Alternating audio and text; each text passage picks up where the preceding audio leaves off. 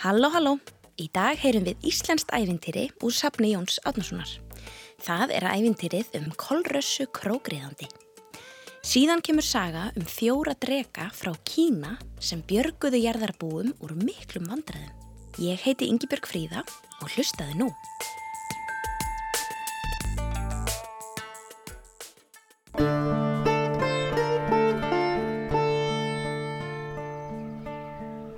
Kolrassa krógriðandi Einu sinni var Karl og Kerling í koti sínu. Psst, byrjar eins og klassíst ævindiri, veistu það ekki? Þau áttu þrjár dætur. Svo elsta hétt Signý, miðjudótturinn Ása og svo yngsta Helga. Eldri sýsturnar voru í uppáhaldi hjá fóröldrum sínum og höfðu það miklu betra en yngsta sýsturinn Helga. Hún var alls ekki í uppáhaldi og var látin í öll skítverkin á heimilinu. Mammennar leta hann að vinna erfiðustu vinnuna, elda mat, þrýfa og reynsa allt sem reynsa þurfti í kotinu á meðan eldri sýsturnar lágu bara eins og skötur innan þeirra á vetuna en úti í sólbaði á sömrin. Þær gengu alltaf um í fínum fötum og gerðu fátt annað en að gera sér sætar og slaka á. Þær öfunduðu helgu því þó hún væri ekki að punta sig alla daga og væri öll út ötuð í ösku, skít og gengi slitnum fötum var hún talin fríðust af þeim systrum og það sveið þeim sárast. Dag einn kom maður heim í kotið og bað um hönd Signíjar í hjónaband. Karli og Kerlingu leist vel á hann og Signíju líka og því varð úr að þau trúlofuðust. Síðan fór maðurinn burt með Signíju. Þau voru ekki komin nema ör skamman spöl frá kotinu þegar maðurinn breyttist allir í fasi, varð grimmilegur svipin og út úr hálsi hans skutust tvö önnur höfuð, svo hann breyttist í þrý höfða risa. Hann sagði við Signíu. Hvort viltu heldur að ég beri þig eða drægi? Signý, nánast stjörf á hræðslu, sagði við unnusta sinn að hún vildi heldur láta bera sig. Hann leta hann setast á einn hausinn og bar hana svo heim í hellin sinn. Þar kom hann henni fyrir í eins konar neðanjörðar byrgi, batt hendur hennar fyrir aftan bak og hárið utanum stólbakið. Nokkrum vikum síðar kom aftur maður til Karls og Kellingar og byður um hönd Ásu í hjónaband. Þeim leist vel á hann og Ásu líka og því varð úr að þau trúlofuðu sig.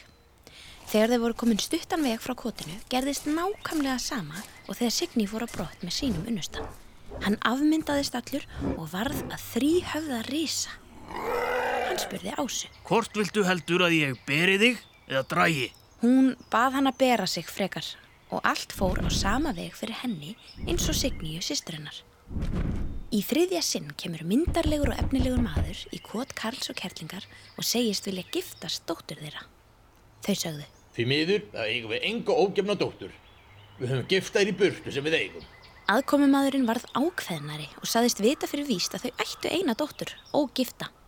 Karl og Kerling sögðust að vísu eiga eina dóttur til viðbótar en þeim dætt ekki í hug að nokkur myndi vilja giftast svona óspennandi, leiðinlegri og ljótri konu eins og henni Helgu. Aðkomi maður krafðist þess að fá að sjá hana. Helga var sótt úr eldhúsinu og sínd manninu. Hann saðist þá ekki vilja láta neyta sér oftar. Já, þú mátt giftast henni ef þú endilega vilt. Og svo varð úr. Helga var að sjálfsögðu ekki spurð hvort að hún hafði eitthvað til málan að leggja. Svo fór maðurinn burt með nýju unnustunna sína. Þegar hann var komin stutt á veg með Helgu breytist hann í þrýhafða risa eins og áður og bauð henni sömu kosti og sýstur hennar fengu. Hvort vildi hún láta bera sig eða draga? Helga var hugra kona og vildi alls ekki sína neitt samstarfsvilja með svona óhugnalegum risa. Hann gæti bara dreyið hana. Segir ekki meira ferðum þeirra fyrir en þau eru komin heim í hellin. Þá saði risin við Helgu. Nú skaltu taka við búsíslu hér innan dýra. Hyrðu um hellin, sópan og hreinsa, elda mat fyrir mig, þjóna mér í einu öllu og búa um rúmið mitt. Helga tók við þessum skipunum. Hún kætt allt eins þrifi heimi á þessum risa eins og heimi á sér. Hún annaðist heimilistörfin í hellinum á daginn á meðan risin var á veiðum og þjónaði honum svo kvölds og mótna. Áður en hann fór að heiman á mótnana tók hann til allt sem hún þurfti til að sinna heimilistörfunum. Læsti svo allt annað dót sem hann átti í kistum og skápum og tók líkilinn með sér út. Helga var þó ekki alein í hellinum á daginn. Því þar var líka lítill hundur sem var góðu við hana og stittinni stundirnar. Hún tók samt eftir því að þegar hún var að vinna þá kvarf hann alltaf. Ef hún flautaði á hann, byrtist hann, en alltaf eftir dágóða stund. Helga hugsaði með sér að hann hlýta að geta hlaupið langt inn í hellin og hann væri alltaf þar þegar hún kallaði á hann. Einn daginn fór Helga í könnunarleðangur og fann þá læsta hurð djúft inn í hellinum. Þar fyrir framann lág rakkin. Hún gægðist inn um skráarkatið og fannst eins og hún sæi tvær stúlkur sitja þar inni á sittkorum stólnum. Þetta hljóta að vera systur mínar. Hugsaði hún með sér og vorkendi þeim sárt. Um kvöldi þegar Rísin kom heim spjallaði Helga heilmikið við hann á meðan hann borðaði. Hún spurði meðal annars hvort hann væri ekki ánægður með störfin sín í hellinum, alla eldamennskuna á þrifin. Hann sagðist vissulega að vera það. Þá spurði hún hann hvernig hann litist á hana sjálfa. Rísin sagðist vera mjög hrifin af henni, en það hafa hann sótt hana vegna þess að hann vissi hvað hún væri mikil kvennkostur. Þá sagði Helga. Ef þú ætlar þér eitthvað meira með mig en að gera mig að ambátt og þræl, þá ættur ekki að koma fram við mig eins og slíka. Ég ætti að fá að ganga frjálsum hellindin, hýbíli og hyrslur svo ég mætti njóta auðstíns með þér. En þú hefur læst og lokað öllu fyrir mér og skamtað mér búnaði og vistum daglega. Rísin sagði það verið satt. En það gerði ég vegna þess að ég vildi reyna þig. Nú leini ég því ekki lengur að bráðum ætla ég að halda brúðkaup okkar og því skaltu nú taka við liklum að öllum mínum hyrslum og hýbílum og njóta alls þess sem ég á. Það er samt ein hyrsla sem þú mátt ekki opna, þó einn leikillin að kipinu gangi að henni. Ég vara þig við. Helga tók við kipunni og sagði Þetta var vel gert og nú trúi ég því að þú vilji leifa mér að ganga frjálslega um þínar eigur. Enda nálgast brúðkaup okkar og þá verður allt þitt mitt og mitt þitt. Það er samt ekki næstum því nógu reynd og fínt hér til að bjóða nokkur um einasta gesti í brúðkaup og munið því hefjast handa við að þrýfa strax á morgun. Dæin eftir þegar Rísin var farin út fór Helga að skoða hirslunar hans. Þegar hún aði lókið því fór hún að hurðinni þar sem hundurinn lág við og opnaði með liklinum sem Rísin hafði bannaðinn að nota. Þegar hún kom inn fann hún báðar sýstur sínar, banhungraðar, hóraðar og næstum örmagna. Hún leisti þær og gaf þeim hressingu. Síðan sögðu þær henni af æfisinni hjá Rísanum og hann að neyða þær til að giftast sér. Þegar þær vildu það ekki, hafði hann sett þær í þetta litla og dimma helliskot og einungis hend í þær matarafgöngum til að halda sér lifandi. Nú verðum við að finna einhver ráð, fljótt. Ég lofa því að koma ykkur burt í þann, sama hvað verður um mig. Ég ætla að láta risan ber ykkur heim í kot til mömmu og pappa í risastórum belg sem ég fann ég þetta frammi. Sisturnar eruðu hissa, en þorðu ekki annað en að hlýða. Þær lögðust í belgin og Helga tók til við að dreifa rusli og matarafgöngum risans yfir þær. Síðan kom hún belgnum fyrir við hellisvegin. Um kvöldi þegar risin kom heim var Helga í miklu uppnámi og sorgmætt. Risin spurði hvað var ég að, en Helga sagðist bara verið þreytt eftir erfiði dagsins og svo væri hún líka að hugsa um auðmingja fóruldra sína sem ættu ábygglega engan mat eða vistir nú þegar dæturnar væri farnar. Risin huggaði hana og lofaði að hjálpa. Ég hef hugsað um það í allan dag hvernig þú getur hjálpað fóreldrum mínum. Ég held að þér væri minnst eftir sjá af öllum matarafgöngurum þínum sem liggja eins og ráfiði hér og þar um hellin. Ég hef því tínt alla afgangarna saman og sett í belgin þarna við veggin. Það kæmi fóreldrum mínum vel að fá þessa afganga. Belgurinn er orðin svo voðungur að ég get ekki liftunum. Ef þú elskar mig, þá myndur losa mig við allt þetta rusl af heimili mínu og koma fóreldrum mínum til bjargar með því að bera belgin heim til þeirra. Ég legg samt blátt bann við að þú opnir belgin eða rýfur upp úr honum. Ekki láta þér detta í hug að ég komist ekki að því ef þú svíkur þetta, því ég sé í gegnum holt og hæðir og helli minn. Ef þú svíkur þetta lofórð, þá mun ég ekki giftast þér. Rísin gekka þessum samningi og sagði að móti. Þú skalt búa þig undir brúðkaup okkar á morgun. Svo bent hann henni á allt sem þyrti til veislunar. Henni þótt hann heldur stórtækur. Þarna voru vistir og veigar fyrir fjölmarga gesti. Hann opnaði líka kistil þar sem í voru brúðar klæði. Klættu þig í brúðarkjólinn núna því ég mun nýta ferðina með belgin til þess að bjóða gestum í brúðkaupið. Þegar ég kem aftur, koma gestirnir með mér, svo þá þarf allt að vera tilbúið. Og líka brúðurinn sjálf. Helga lofaði því, let eins og henni var í mjög andum að undibúa því flottasta brúðkaup og svo lögðust þau til svefns. Morgunin eftir tók risin belgin og gekk af staði átt á kotinu. Þegar hann var komin langt á leið þótti honum belgurinn vera orðin mjög þungur. Tók hann af sér og kvíldi sig. Þegar hann var búin að leggja belgin niður, sagði önnur sýsterinn í pókanum. Ég sé í gegnum holt og hæðir og helli minn. Þóttist risin nú vita að þetta veri helga að fylgjast með sér og sagði Aldrei skal ég belgin bauka, þó brotni í mér hryggurinn. Glögt er auga í helgu minni, hún sér í gegnum holt og hæðir og helli sinn. Síðan snaraði hann belgnum á bak sér aftur og gekk af stað. Svo kom að því að hann þreyttist í annað sinn og setti belgin niður á jörðina. Þá heyrðist aftur.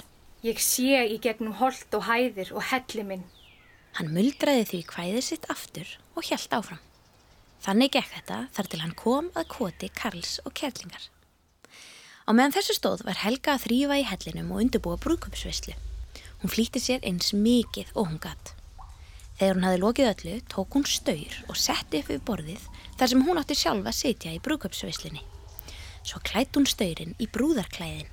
Eftir það fór hún í öskustóna, makaði á sig ösku og öðrum óreinindum, greip svo í eldhússkörung sem er eins konar járn prigg notað til að kynna eld og reið á honum eins og hesti heimað kotinu. Ætli hún hafi verið göldrótt líka? Allavega, hún hafði ekki riði lengi þegar hún mætti risanum með miklum flokki bóðsmanna. Í fylgd með honum voru jötnar og bergrisar en brúðguminn var í farabróti. Hann þekkti ekki Helgu og spurði hvað hann héti. Hún sagðist heita Kolrassa Krókriðandi. Hann sagði þá. Komstu að melhöða, kolskurinn þín?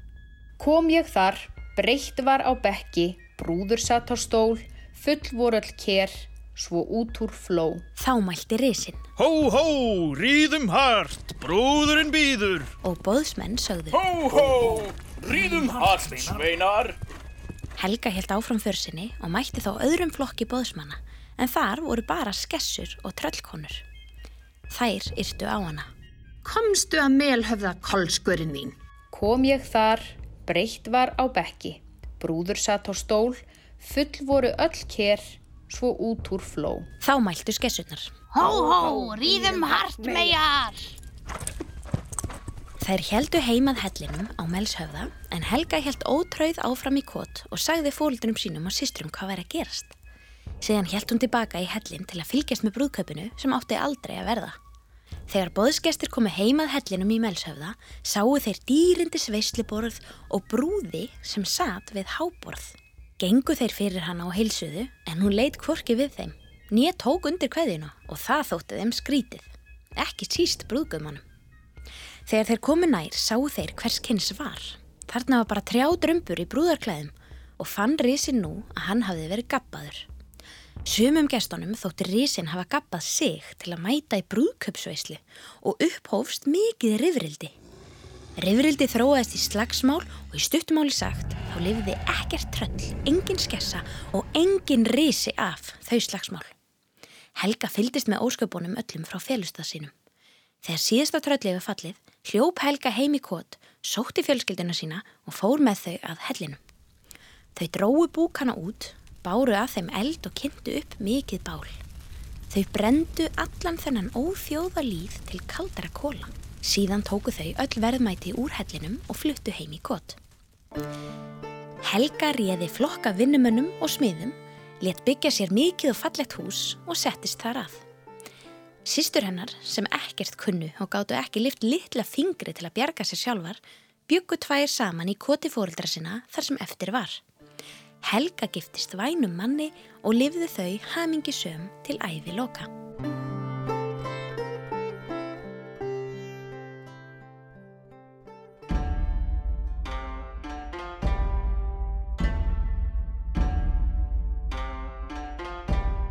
Drekarnir fjórir Drekar eru stórar þjóðsagnakendar verur sem byrtast í sögnum um allan heim. Margar þjóðir í Asíu og þar kynverjar meðtaldir eiga sínar sögur um dreka en þar er þeim oftast líst sem vangjalöysum, ormslegum verum með fjórafætur og frekar gáfuðum. Þeir hafa líka sérstakt vald yfir vatni, regni, flóðum og fellibiljum. Drekum fylgir kraftur en einnig lukka. Í Kína býr tæplega 1,5 miljardur manna. Það er mesti mannfjöldi í einu landi og allir í jörðinni. Þjóðin dreifist um borgir, bæi og þorp um allt land en fjórar stórar ár renna í gegnum landið og út í sjó. Fjölmargir búa við ár og eru margar borgir byggðar við bakka áa um allan heim. Ár eru stundum kallaðar lífæðari jarðar. Þær flytja mikilvæg næringarefni, menn og dýr sækja vögva og aðra næringu þangað. Árbakkar eru góðir staðir til að rækta ímislegt við, hægt er að virkja orkuna í renslinu og menn geta nýtt þær til að ferðast á milli staða og stunda viðskipti. En hversin er ég að tala um ár? Áttu þetta ekki að vera að saga um drega? Hlustaði nú. Einu sinni fyrir langa löngu voru ekki til neinar ár eða vötn á jörðinni. Eina vatnið var sjórin í austrinu en þar byggu fjórir drekar. Langidrekin, guðlidrekin, svartidrekin og perludrekin. Dag einn skutust drekanir upp úr sjónum og enn hærra upp í heiminin. Þeir flugu hátt og látt, dýfðu sér og snýrust í ringi, leku sér í feluleik á milli skíjana. Komið enga fljótt! Trópaði perludreikin allt í hennu. Hvað er að? að? Spurðu hinnir þrýr og letu niður í áttinað sem perludreikin bendi á. Á jörðinni sáu þeir manneskur, dreifa kökum og ávöxtum í kringum sig og kveikja á reykjelsum. Þau voru að byggja. Hvít-hærð kona lagðist á hnýjan og á baki hennar lág grannvaksið og veiklulegt barn.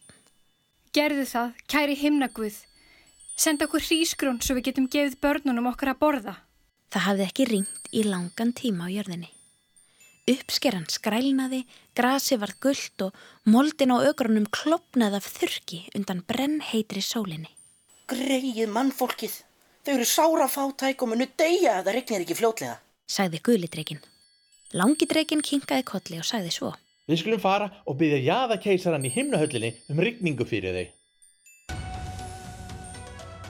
Hann tók svo dífu og skauð sér enn hærra upp í heiminkvolfið. Hinnir eldu og flugu í áttaðinni himnesku höll. Jaðakeisarin var valdamikill og stýrði öllu á himni, jörðu og sjó. Hann var ekki ánægður þegar drekarnir fjórir ruttust inn. Hvers vegna komið þið hingað í stað þess að halda ykkur í sjónum þar sem þið eigið heima? Uppskerin og jörðin er að fölna og deyja þér hátegn. Ég byrði þig að senda rikningu þángað. Og það fljótt. Allt er lægi. Þið farið fyrst og ég sendi rikningu þángað niður á morgun. Jafakeisarin sagðist vera mjög upptekinn en var samt sammála þessum óðamála dregum og þeir þökkuðu honum kærlega. Dregarnir fjórir fóru gladir tilbaka. Tíu dagar liðu og ekki einn einasti regndrópi fjell til jarðar. Fólki þjáðist enn meir.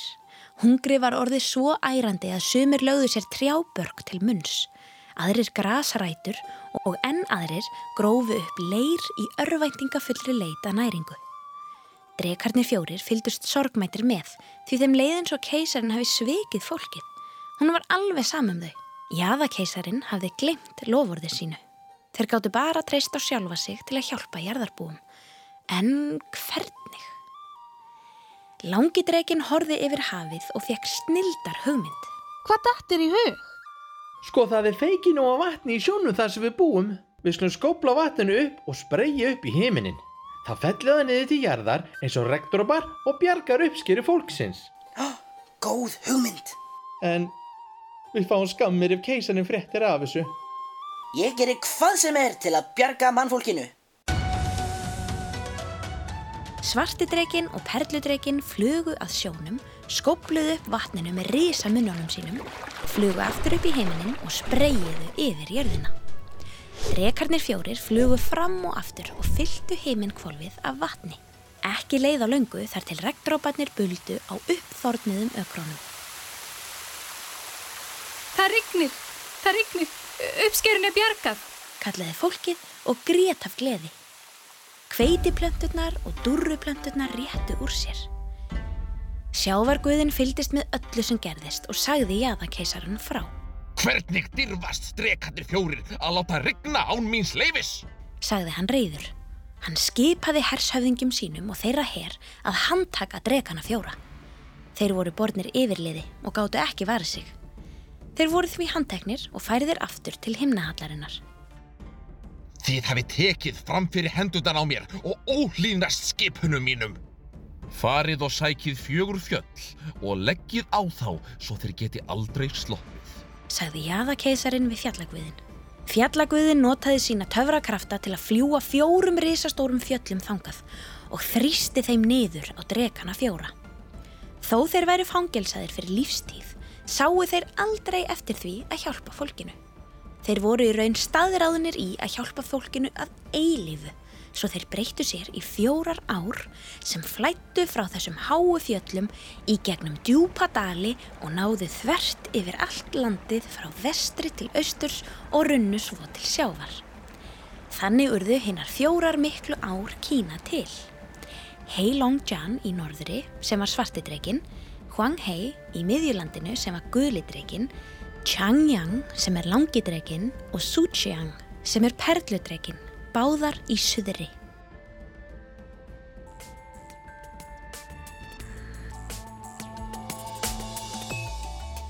Þá erum við búin að heyra eina íslenska og eina kínverska sögu í dag. Í næsta þætti förum við aftur á flakkum heiminn og heyrum fleiri sögur.